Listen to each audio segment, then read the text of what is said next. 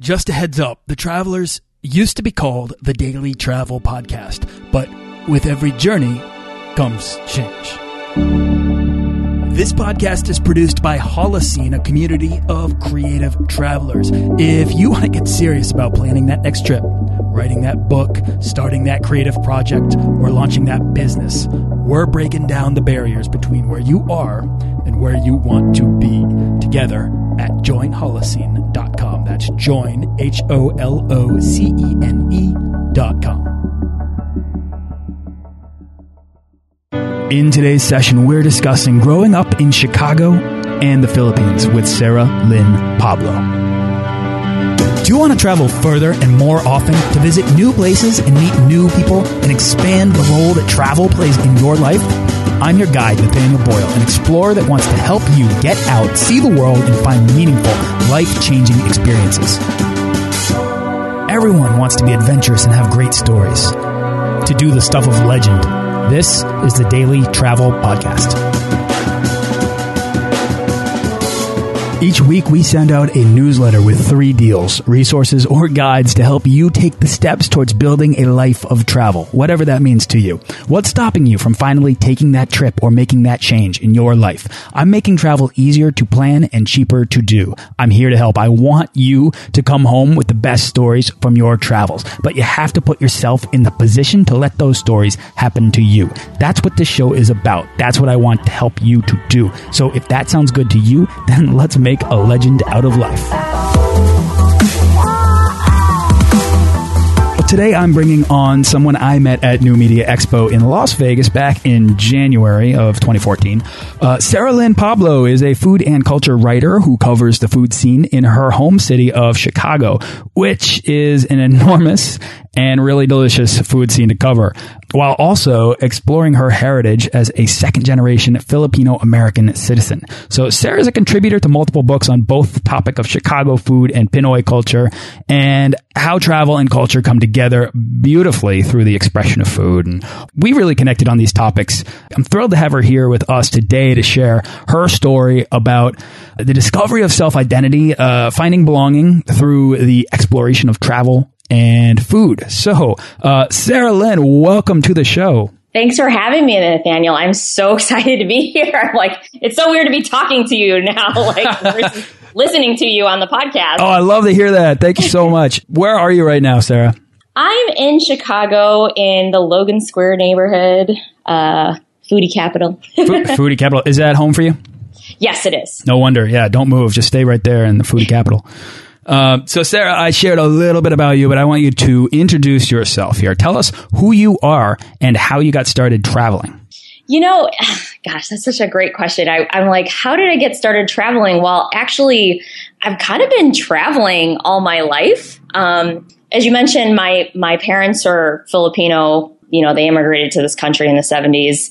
And I basically every year when I was in school, um, during my summer break, my mom and I would go to the Philippines for about a month's time to spend time with our family there. And when I think about it that way, it's like, well, I've kind of always been traveling um, and always been trying to connect with, you know, specifically with the Philippines and with my family. I guess though, when I when I started to kind of break into more like independent travel, it didn't really happen for me until um, 2011 actually. And i know the specific trip that it was that i was kind of just like oh my gosh i can like travel. I, I want to incorporate that more into my life. And it was this trip where you know i was in grad school spring break was coming up and i was like well I would love to go somewhere on spring break. Like, even though, you know, I was in my 30s and like the idea of spring break, like it was a different idea, right? But just kind of connecting school break with vacation still sort of appealed to me. and, uh, you know, then I was like, okay, well, I tried to go somewhere warm because obviously in Chicago, it's quite cold at that time of year. And I was like, well, if I can't go somewhere warm, I want to be somewhere awesome and I chose Paris. And I, you know, because of like my time frames, there was no way I was going to find somebody to just like drop everything and go with me for a week. And then I was just like, well, why don't I go by myself? And I don't know why I never came to that conclusion before. I was definitely scared because although I had taken uh, French in high school and a little bit in college. Like it had been, a, you know, like a decade or whatever since Yeah. I like really spoke it and was immersed in it. And anyway, so that was just kind of the trip that blew this whole thing open. Yeah, no, I love that. So, I mean, honestly, anyone listening, loneliness should never prevent anyone from traveling because when you go, I don't, I don't know how you traveled there. Actually, let's let's get into that a little bit. When you went there, did you stay in hotels? Were you were you kind of isolated during your whole trip? No, I um I stayed at a Airbnb kind of place. Uh, like I rented somebody's an uh, apartment in the Marais, and it was just like this cute little place. Um, but the the way that I kind of started meeting people, first of all, yeah, when you travel alone, you're never alone. That's true of anywhere, especially Paris, I think. And then uh, a friend of mine, she hooked me up with somebody that she had met on her travels who lives in Paris because she was like, well, you can't go there by yourself and not know anybody. And I was like, well, that was the plan. I met him for lunch and then, you know, just through him and like met some of his friends and yeah, was just never alone. yeah, I mean, the travel community is out there. If you don't know someone who doesn't know someone in a, in a destination, plug into forums, jump on Reddit, go over to couch surfing. You don't even need to couch surf, just jump into the forums, ask questions. People are ready there to catch you and give you the answers. It's it's an exciting community to be a part of, and uh, once you do kind of jump in, and then you've got friends there for the future for anytime you go or anytime someone you know is going. That's totally true. And also when you're just kind of in the location and like you want to find a good place to eat, you just ask people and they're, you know, more than happy to show you around sometimes or, you know, just circle a spot on the map and you've got to try this at this place. Um, yeah. And it's uh, once people experience that a couple of times, like, wow, this person took time out of their day, like even if it was just five minutes to show me something that was amazing, you start to pay it forward as well. And like anytime I see people who are, you know, in Chicago who are like maybe a little bit lost or, you know, I'm, I'm always trying to pay it forward to travelers here. yeah, there's no better travel guide than someone you trust, right? And once you get to know someone uh, and understand either either their taste or their motivation for um, showing you the things that they're showing you, then you want to re reciprocate the favor. You want to uh, share what they shared with you to more people out there in the world. I mean, I bet that you wanted to like write about your experiences because locals on the ground in Paris were actually taking you and giving you, uh, showing you, imparting their knowledge on you what they loved about their home, right? Oh, completely. Like we were, we ended up having dinner with some friends at this restaurant that like, it didn't even have a sign on it. You know, it was in this one of like kind of little warren of, you know, like crooked streets and stuff. Like nobody would have ever been able to find it. And like my friend, you know, who is the local, like he was hardly able to find it. Like he was on the cell phone, like, okay, you know, like how many doors, you know, which, which corner and blah, blah, blah. But like that kind of like, like seeing this, this part of, um, you know, any city really that's like, just so special and hidden is just like it's just an amazing feeling. It's an amazing feeling. So what was the result of your solo travel to Paris? I mean, to take a trip that wasn't I mean, certainly I've had some people come on this show that have done, you know, like really audacious trips whether they're like trekking through a desert or they're taking the Trans-Siberian or they're doing these these massive things. But this, what I love about your example here is that it was a simple thing, and you were just like, wait a minute, I can do this all alone, and I can go. And then when I come, when you came home, you said it, it kind of cracked everything open for you. What do you, what do you mean by that? I was just like on cloud nine forever. Well, you know, for a little while, but I was trying to figure out still like how it translated into my life, you know? Yeah. Because it still sort of felt like thing that was away from normal life, right? Like there was a separation between like travel me and normal at home me, Mm, right? Exactly. Yep. Um, and the difference was only like, you know, a plane ticket and some, you know, a place to stay somewhere else. Yep. But um, it was a couple months later, actually, I had been doing some outside consulting. The client who was like my main bread and butter client um, couldn't afford me anymore. You know, that's common, right? So it's like, okay, now what do I do? And so many people, I think, in their 20s and 30s find themselves in these like weird gaps of like looking for a job and they don't have a job. And then that kind of, um, you, it's a tough thing emotionally to deal with too because our culture is so like work focused you know like the question you ask are asked first at dinner parties after what's your name is what do you do? And it's like okay well if i'm not doing anything like you know how how do i kind of keep contributing? How do i keep myself motivated and all that? So actually another friend of mine who lives on the west coast she was taking her first trip in a long time back to france and she's like, Hey, you know, you went to France recently. Like, do you have any tips on what I should bring or what I need to do or, you know, kind of anything? And she was like, she's, it was just the simple text that started it all. She was like, you know what? You should really write this all down because this is all really helpful. And I was like, I never thought about like writing it down and like blogging about it. And so, so yeah, then I just got started that way. I started talking about destinations I had been to before, places around here in Chicago. There's so many like awesome, interesting things in Chicago. That's kind of how the whole ball got rolling. Yeah. All right. So, you know, I mean, that's kind of an interesting thing is that a lot of people, I think, I know that I do, I travel to sort of challenge myself to become the best version of myself and then to find that feeling that I know that I just can't go back to being the same person that I was before I left. And kind of what you just said, at least this is what I'm hearing, is that you kind of got back and you were like solving this problem that I think a lot of people who fall in love with travel have have, and that's that everyone at home still defines you as the person you used to be. Right. Um, I'm not going to suggest that a trip to any given city is going to completely change your life, but it will if you kind of open your mind and you open your heart a little bit, which you did. And I love that because you came home and you were like, well, how can I now express this new desire, this new interest, this new passion this, that I have? And you did it by beginning to write it down, to beginning to tell the stories and to sort of relate your discoveries there with your discoveries back home and to document your legend in a way, which is very cool. But not everyone is, is, is wired in that way. For you, you mentioned that you had been traveling like your whole life because you're a second generation Filipino, and that you would travel one month out of every year since you can remember, right? And yeah. and so I guess my question for you is, what was your earliest travel memory? Yeah in the beginning when I was younger, like struggling to kind of communicate with some of my cousins because it's like, here's your cousin from like the other side of the world. And, you know, how do we relate even though we don't speak the same language? You know, like they might speak some English and I was, I was not fluent or I don't, even, I don't even know if I would call myself fluent in Tagalog now. I can converse in a simple conversation actually, but like back then it was just, just kind of learning to be with people without language not everyone has that sort of childlike uh, experience with travel. And lot, you know, some of the guests come on here, maybe about half the guests come on this show, and they talk about how they've been traveling since they were very young, right? And they gain this sense of very early on, the sense of normalcy that there is this experience out there that you can go out and you can have these kind of like imaginative, playful experiences on the road. And I think that that becomes something like a feeling that you want to kind of get back to as you go through life.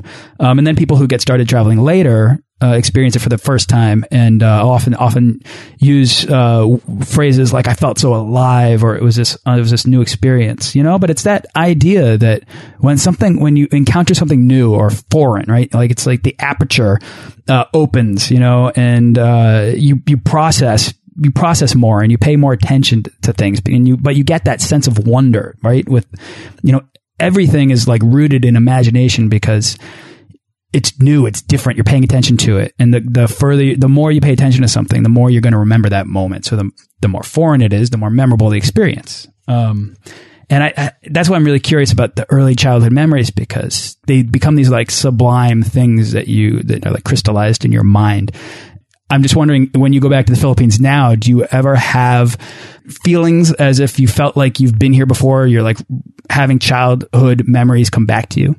Oh gosh, yes, totally. Especially around food. Like there's a how do I describe it? It's not really a meal. It's actually a snack that happens in the middle of the day. It's called merienda. So it's like around three o'clock usually. And I remember specifically as a child, you know, around 2.30, like kind of getting really excited because like, oh my gosh, we're going to have a snack soon and it's going to be delicious.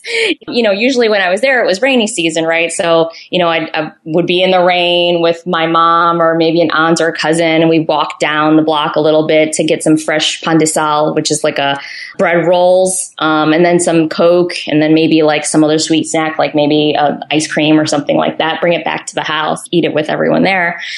Like even now, I'm like my eyes are so big. I'm like thinking about pandesal and like that fresh out of the oven. Like, but where do you get that here? You know? So it's just like when you're in that place and like, hey, it's two thirty. You know, you, it's just right back where you started 20 years ago. so did going back to the Philippines repeatedly as a child and then into your adult life, did it ever become get to a point where it felt like a homecoming for you? you know, now it does. When I was a kid, it was like, uh, I was trying to process like how this world was so different than the world that I came from, you know, growing up in suburban Chicago, right? And like, where was my place in each world? Like, I thought it was, it was odd that like everybody there looked like the way that I looked, like everybody. Yet I feel more at home in this other place where I, I look like a small, much smaller percentage of people. And so there was that kind of feeling like, you're not American enough because you look a certain way and, you know, things may happen to you where you, people say things to you and as, as a child and like a young person, you're kind of like, why is that? Versus when you go home and you're like, well, I feel like I should belong here, but then people there, you know, Filipinos look at you as, as an outsider, right? Yeah. You know, so it's kind of like negotiating like where I am in the world. At, at, the beginning, it was like I feel less than in both places, but now I've come to know it more where home is here and there. And I think it's something that uh, a number of second generation immigrant kids go through as young adults. And, you know, I was fortunate to have the time to be able to process it year after year. I don't have no idea how my mom did that. you know, like taking this child on this, you know, trans Pacific flight, you know, going there. Um, but, you know, obviously it was really important for her uh, that I know my heritage and that I know my family. Yeah. So, so how are you able to find ways then to connect further with your heritage? Gosh, I, I um, well, obviously the food traditions, um, you know, we, I just love Filipino food, and I, I don't actually think it was until I started to like, you know, just have my own apartment and my first job and all that. And I was like, hey, you know what? I have a taste for this chicken adobo, which is kind of like the national dish of the Philippines, right? And um, by that time, my mom was already living in Florida and I was up here in Chicago. And uh, I remember just having this phone conversation over the recipe thing is is when you've been making it for so long like there's no set recipe that's like it's just by taste it's just like you know numbers of ingredients and stuff like that and like learning the ratios that you want so that kind of started me on my journey to wanting to connect through food to my culture because it was something that I could do every day. Because um, you know, there's there's migrants from the Philippines everywhere, and I find like the on my blog right now, the most visited page from people all over the world is for this recipe for lugao, which is it's a rice porridge um, you know, typically you'll make it with chicken, ginger, lemon, um, and it's something that you eat like as a comfort comfort food. Um, you serve it to like um, like babies or old people when they're not feeling well because it's very easy digestible, and like you know, like so many people love that recipe, visit it every day, and it's like, oh, it makes me feel so good that like I'm helping other people do the same thing and wherever part of the world they are, like connect to their culture, like have this comfort of a taste of home. And it's just, it's just a rewarding feeling. I love that. Yeah, no, I mean the the, uh, the or food, I should say, not Filipino food. Food is one of those aspects of culture. It's probably the aspect of culture that people around the world consistently get the most excited to share with you. And I think that's because it's an expression of who they are, especially if they can make it for you themselves. And you're kind of imparting your taste of home. What What's interesting is that the the taste of home for you connects. It's home for you both in Chicago and in the Philippines um, because of uh, it's almost as if food was the commonality between the two places. As you know, your family still made the food that was back home, and though you might not have been able to fit into the culture, you might not have been able to reconcile the differences of landscape or the differences of economy or your place in those two different, very, very different worlds. Right. The food was the common point between both locations. It was how you were raised Filipino at home. Right. Exactly. Uh, and you didn't even speak exactly. the language. That's amazing. Um, yeah, so, exactly. Oh, and it's not like food is, it's not, it, it is sustenance, but it's not just that. And it's not anonymous either. Like it, it, these recipes come from a place and they come from families and they come from, you know, history of like how ingredients got around the world, like back in the day, you know what I mean?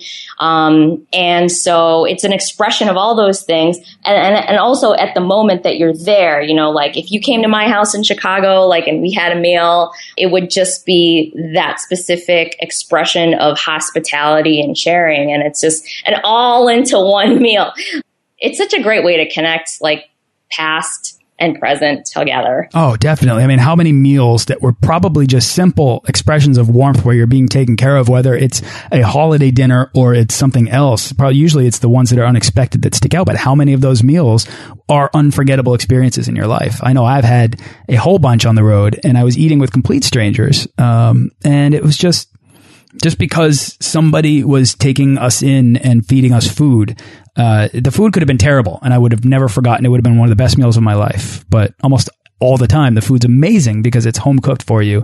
I say a lot on here, everyone wants to be more adventurous and have great stories. And I believe that. And I want to help, you know, make that happen for anyone who wants it but also to help give it purpose, right? And so many of us have this this this wanderlust or this reason for travel, and it's it's exactly that. It's like a wander, and it's to satisfy an addiction to new things. But you know, and, and that's something that you, sounds like you caught in Paris. But like, you know, what if we could all find a purpose in the steps that we take through the places we go and towards wherever it is that we're heading that that is like your that is that, that's like your purpose. That's why I think this is really fascinating. What if we knew why we all heard this sort of call to adventure to begin with?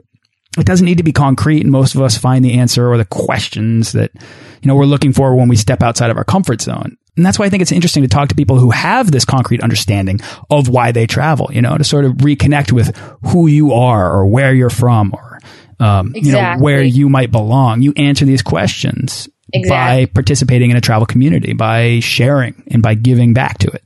Right. And it's often the, you know, and you know, I've heard on your podcast before other other travelers saying that it's like it's almost the feeling that comes first. It's just like a visceral thing. Like you can't it's unmistakable. Like it's it's an elation, it's a passion, it's a oh my gosh, I can't believe I did that, you know. And then later when it kind of washes over you, then you start to process it mentally and be like, okay, what was that about? You know, why did I feel that way? What can I take with me? Like, what does this mean now for the future? And, you know, I'm, and I think, um, kind of going back to our conversation about, um, how travel changes you, like, it changes you in that feeling, but then there's also there's also some steps to be taken. You know, like if if you want it, and it doesn't have to be like oh you have to become a travel blogger.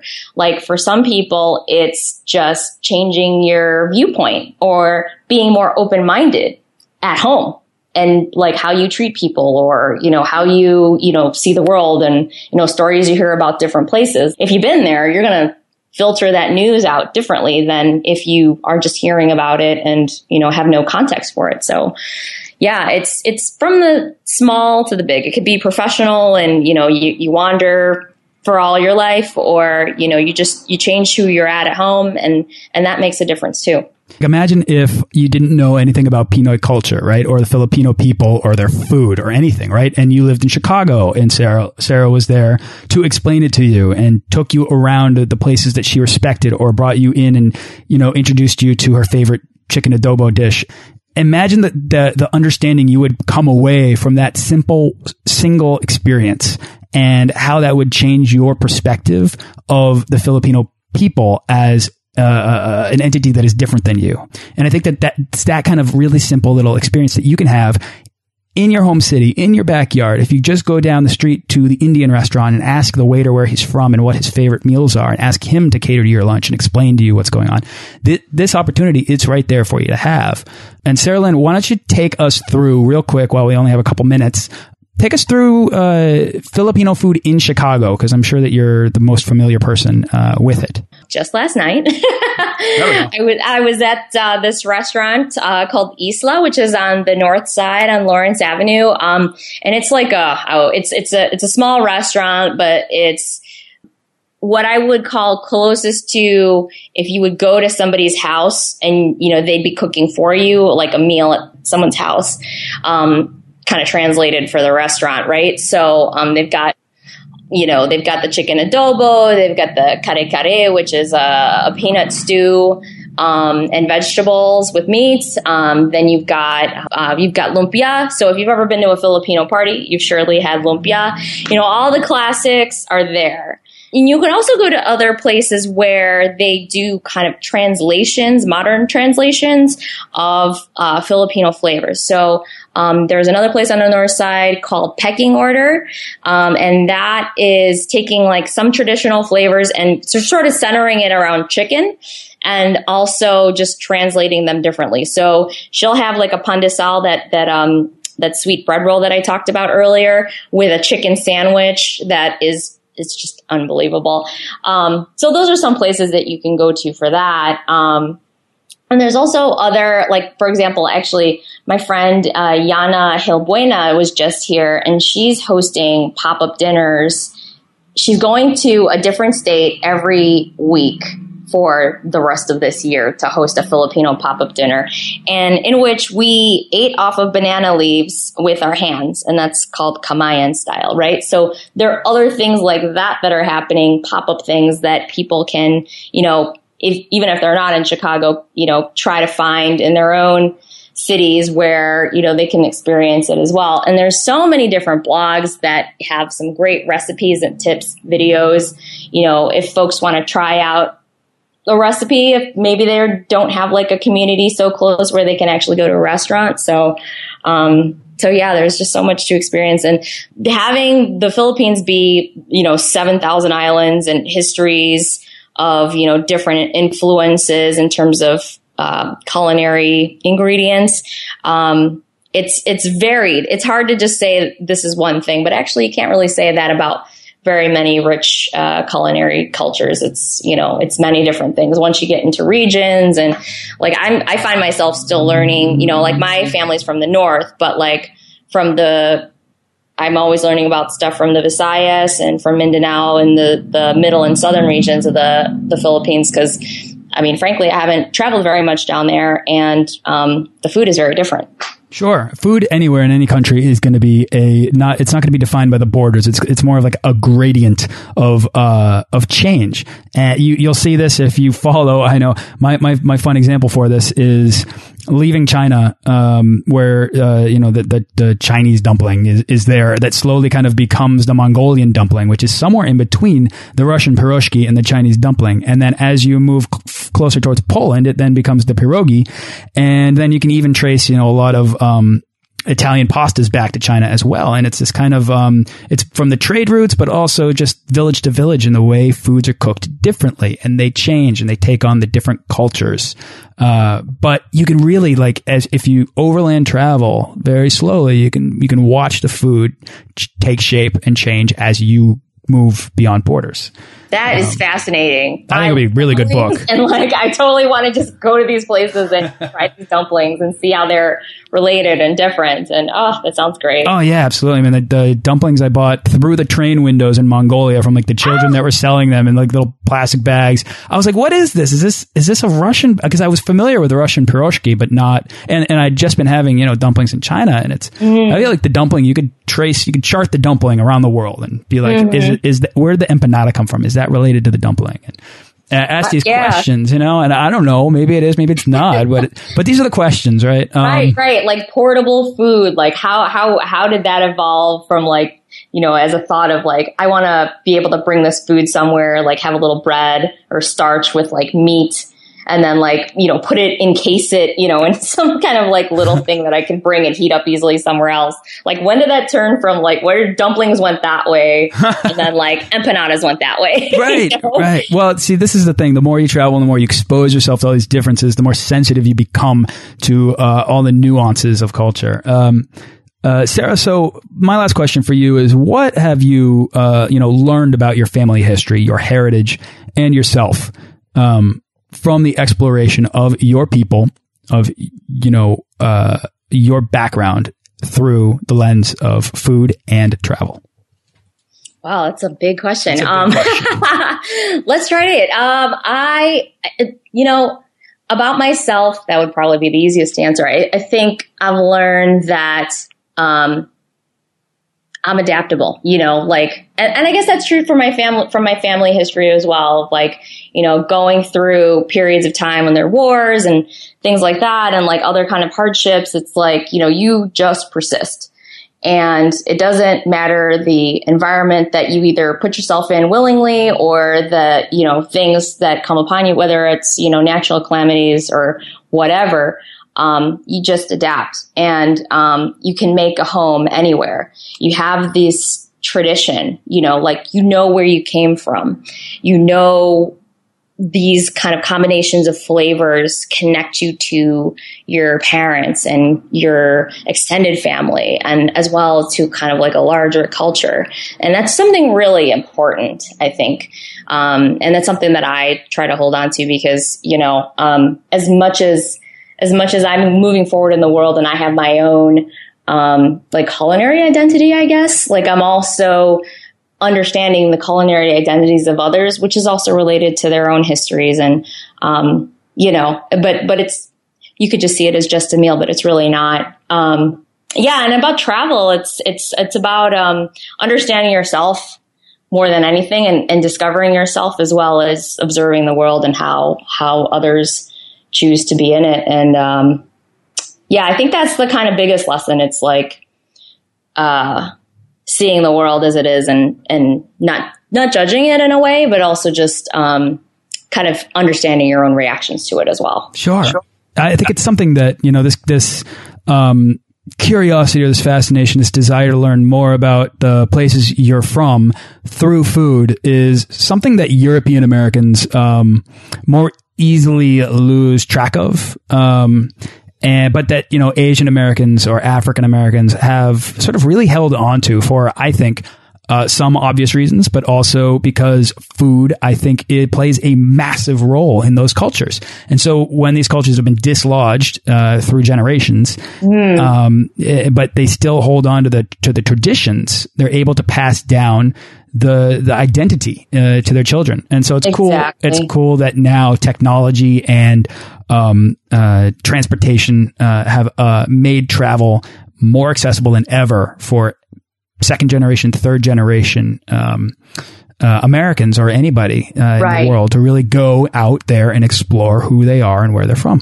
Right, and they can get the, you know as well as like going out into the world, like some of these ingredients can come back to you at home. You know, for example, you know, like, hey, Chicago is not tropical in the slightest, but I can still get certain ingredients. They might be canned, they might be jarred, they might be preserved. Okay. But it's still a part of home and it's, um, you know, my home over there. And it's, uh, like, when you're sitting around and you're like, well, why is this so, like, why is a lot of Filipino food or why are some Filipino dishes so sour? You know, because of the tamarind. And then you kind of start talking about the ingredients and like, how does this grow on the land and where is the land? Oh, it's, you know, it's tropical. It's over the, you know, so it just kind of starts these conversations. You know, that's kind of what I meant before about like food not being anonymous. It's not just an ingredient. It's like, comes from somewhere. Like there's reasons why, like, you know, vinegar is used because of preservatives and, you know, being a preservative and not, you know, having refrigeration and the hot climate and all that. So, um, it connects you. Uh, and yeah, with the modern transportation and, you know, modern, um, food technology being able to bring me some of the ingredients that I'm able to have, you know, in North America, it's just great. Like, you know, I continue to celebrate with every meal uh, my culture. I love it. All right. Is, is there anything else you want to share before we wrap up? Yes, I would love to share that um, we'll be launching soon um, a new multimedia site um, that celebrates Filipino culture through food. It's going to be called Filipino Kitchen. So that's the address will be filipino.kitchen. We're in development of it now. Um, it's it's a it's going to offer some recipes. We're not recipe developers, but it's going to be more kind of sharing like all the other things around food as well. Um, kind of similar to the things we've been talking about, like where certain ingredients come from, you know, what are the occasions that certain dishes are are are, are um, served and prepared, and kind of like all the other stuff that comes around food. So, um, would love if uh, some of your listeners would come and check it out. Um, when it's up. Very cool. It's FilipinoKitchen.com? No, it's actually Filipino.kitchen. there we go. Interesting. Yeah, they opened up, uh, I, the internet gods opened up all these different domains and I snagged that one. Filipino.kitchen, yeah. so it'll gain, a, people can go there and gain a better insight of like the sort of cultural information about the Philippines, uh, which is a very complex uh, archipelago Exactly. And you know, like any like getting to know any person, any cuisine, anything that has so many facets to it, it's going to take time and you know, I, I would love if some of your listeners would spend some time yeah, getting to know Filipino cuisine it's been really cool having you come on the show, share your background, share your relationship. I think it's a really important aspect of travel for a lot of people, and uh, I'm thrilled that you know we got to kind of explore that a little bit deeper. I know I pulled away some really clarifying uh, thoughts on uh, you know why this matters and why it's a really big deal for a whole lot of people in this country. Thanks so much. I really appreciate the opportunity to be on. It, it's great to talk to you about travel. It's great to talk to you about you know connecting to other people through food, which is such a it's such easy but also like intimate way to um, understand another culture. So thank you so much. Oh no, thank you. And let's uh, find time to get together, and you can teach me all about Filipino food. Woohoo! Would love that. Thanks for listening to this episode of the Daily Travel Podcast. For show notes and links to everything in this episode and more, head on over to dailytravelpodcast.com. Join our Facebook page of explorers and subscribe to our newsletter for the best deals and resources to help make your next trip life changing.